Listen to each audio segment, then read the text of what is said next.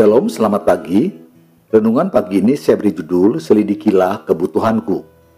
Hakim-Hakim pasal 10 ayat 6 sampai 16 berbunyi demikian. Orang Israel itu melakukan pula apa yang jahat di mata Tuhan. Mereka beribadah kepada para Baal dan para Asitoret, kepada para Allah orang Aram, para Allah orang Sidon, para Allah orang Moab, para Allah Bani Amon, dan para Allah orang Filistin. Tetapi Tuhan ditinggalkan mereka, dan kepada dia mereka tidak beribadah. Lalu bangkitlah murka Tuhan terhadap orang Israel, dan ia menyerahkan mereka ke dalam tangan orang Filistin dan Bani Amon. Dalam tahun itu juga orang Israel ditindas dan diinjak mereka. 18 tahun lamanya mereka memperlakukan demikian semua orang Israel yang di seberang sungai Yordan di tanah orang Amori yang di Gilead. Dan Bani Amon pun menyeberangi sungai Yordan untuk berperang melawan suku Yehuda, suku Benyamin dan keturunan Efraim, sehingga orang Israel sangat terdesak. Lalu berserulah orang Israel kepada Tuhan katanya, kami telah berbuat dosa terhadap engkau, sebab kami telah meninggalkan Allah kami, lalu beribadah kepada para Baal. Tetapi firman Tuhan kepada orang Israel, Bukankah aku yang telah menyelamatkan kamu dari tangan orang Mesir, orang Amori, Bani Amon, orang Filistin, orang Sidon, suku Amalek, dan suku Maon yang menindas kamu ketika kamu berseru kepadaku? Tetapi kamu telah meninggalkan aku dan beribadah kepada Allah lain, sebab itu aku tidak akan menyelamatkan kamu lagi. Pergi sajalah berseru kepada Allah lain yang telah kamu pilih itu, biar merekalah yang menyelamatkan kamu pada waktu kamu terdesak. Kata orang Israel kepada Tuhan, kami telah berbuat dosa Lakukanlah kepada kami segala yang baik di matamu. Hanya tolonglah kiranya kami sekarang ini. Dan mereka menjauhkan para Allah asing dari tengah-tengah mereka. Lalu mereka beribadah kepada Tuhan, maka Tuhan tidak dapat lagi menahan hatinya melihat kesukaran mereka. Saudaraku, dunia saat ini dipenuhi dengan begitu banyak kemudahan-kemudahan. Semua kebutuhan manusia disediakan dengan mudah, atau ada istilah tinggal klik. Kemajuan teknologi saat ini telah menyediakan hampir semua kebutuhan kita dengan instan atau dengan cepat. Sebut saja dari kebutuhan makanan, obat-obatan, perlengkapan rumah tangga, transportasi, pariwisata, bahkan keuangan dan seterusnya dan seterusnya. Namun sadarkah kita ada dampak dari semua itu? Ya, kita sering kali tidak sadar dengan berbagai pencobaan yang muncul di sekitarnya. Misalnya saja, Sebenarnya kita tidak sedang ingin makan makanan tersebut. Tapi karena kemudahan dan diskon, lalu kita memesannya. Demikian juga dengan masalah barang-barang yang ditawarkan. Tujuan-tujuan wisata, atau kartu kredit dan seterusnya. Dan yang lebih memperhatikan dari semua itu, kita akhirnya kerap kali kurang peka akan keberadaan Tuhan.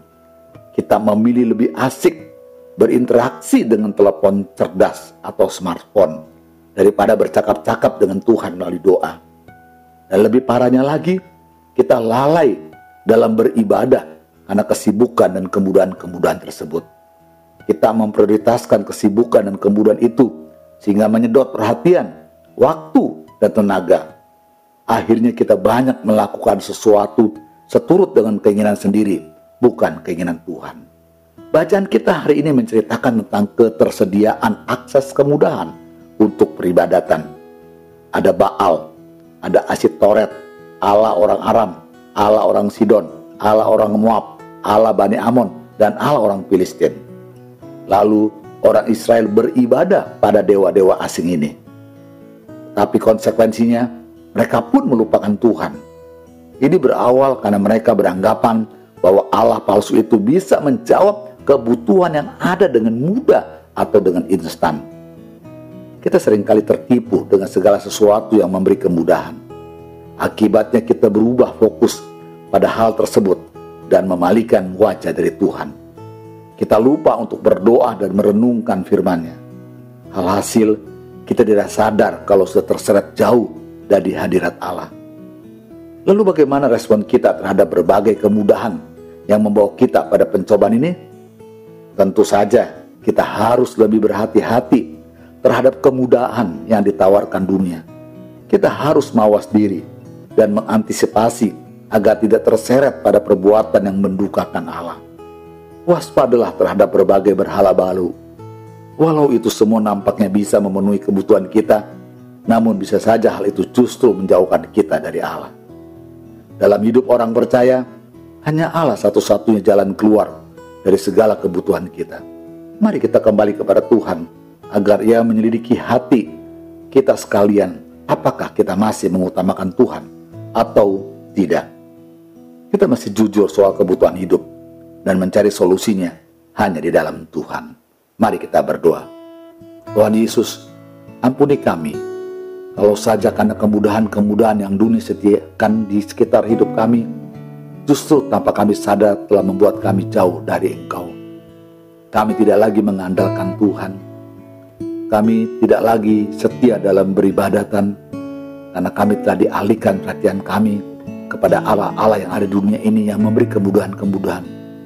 Tuhan khususnya juga di masa pandemi ini, biar kami juga tidak dialihkan oleh kemudahan-kemudahan teknologi sehingga kami justru menjauhkan persekutuan-persekutuan kami dengan Tuhan.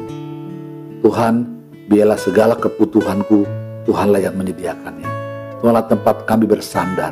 Biarlah kepadamu Tuhan kami berharap. Kepadamu Tuhan kami tetap memohon pertolongan dari Tuhan hari lepas hari. Terima kasih ya Tuhan buat renungan hari ini. Biarkanlah kiranya segenap aktivitas kami sepanjang hari ini juga ada dalam pertolongan Tuhan. Dalam nama Tuhan Yesus kami berdoa, haleluya. Amin. Terima kasih buat renungan hari ini. Sampai jumpa esok hari. Tuhan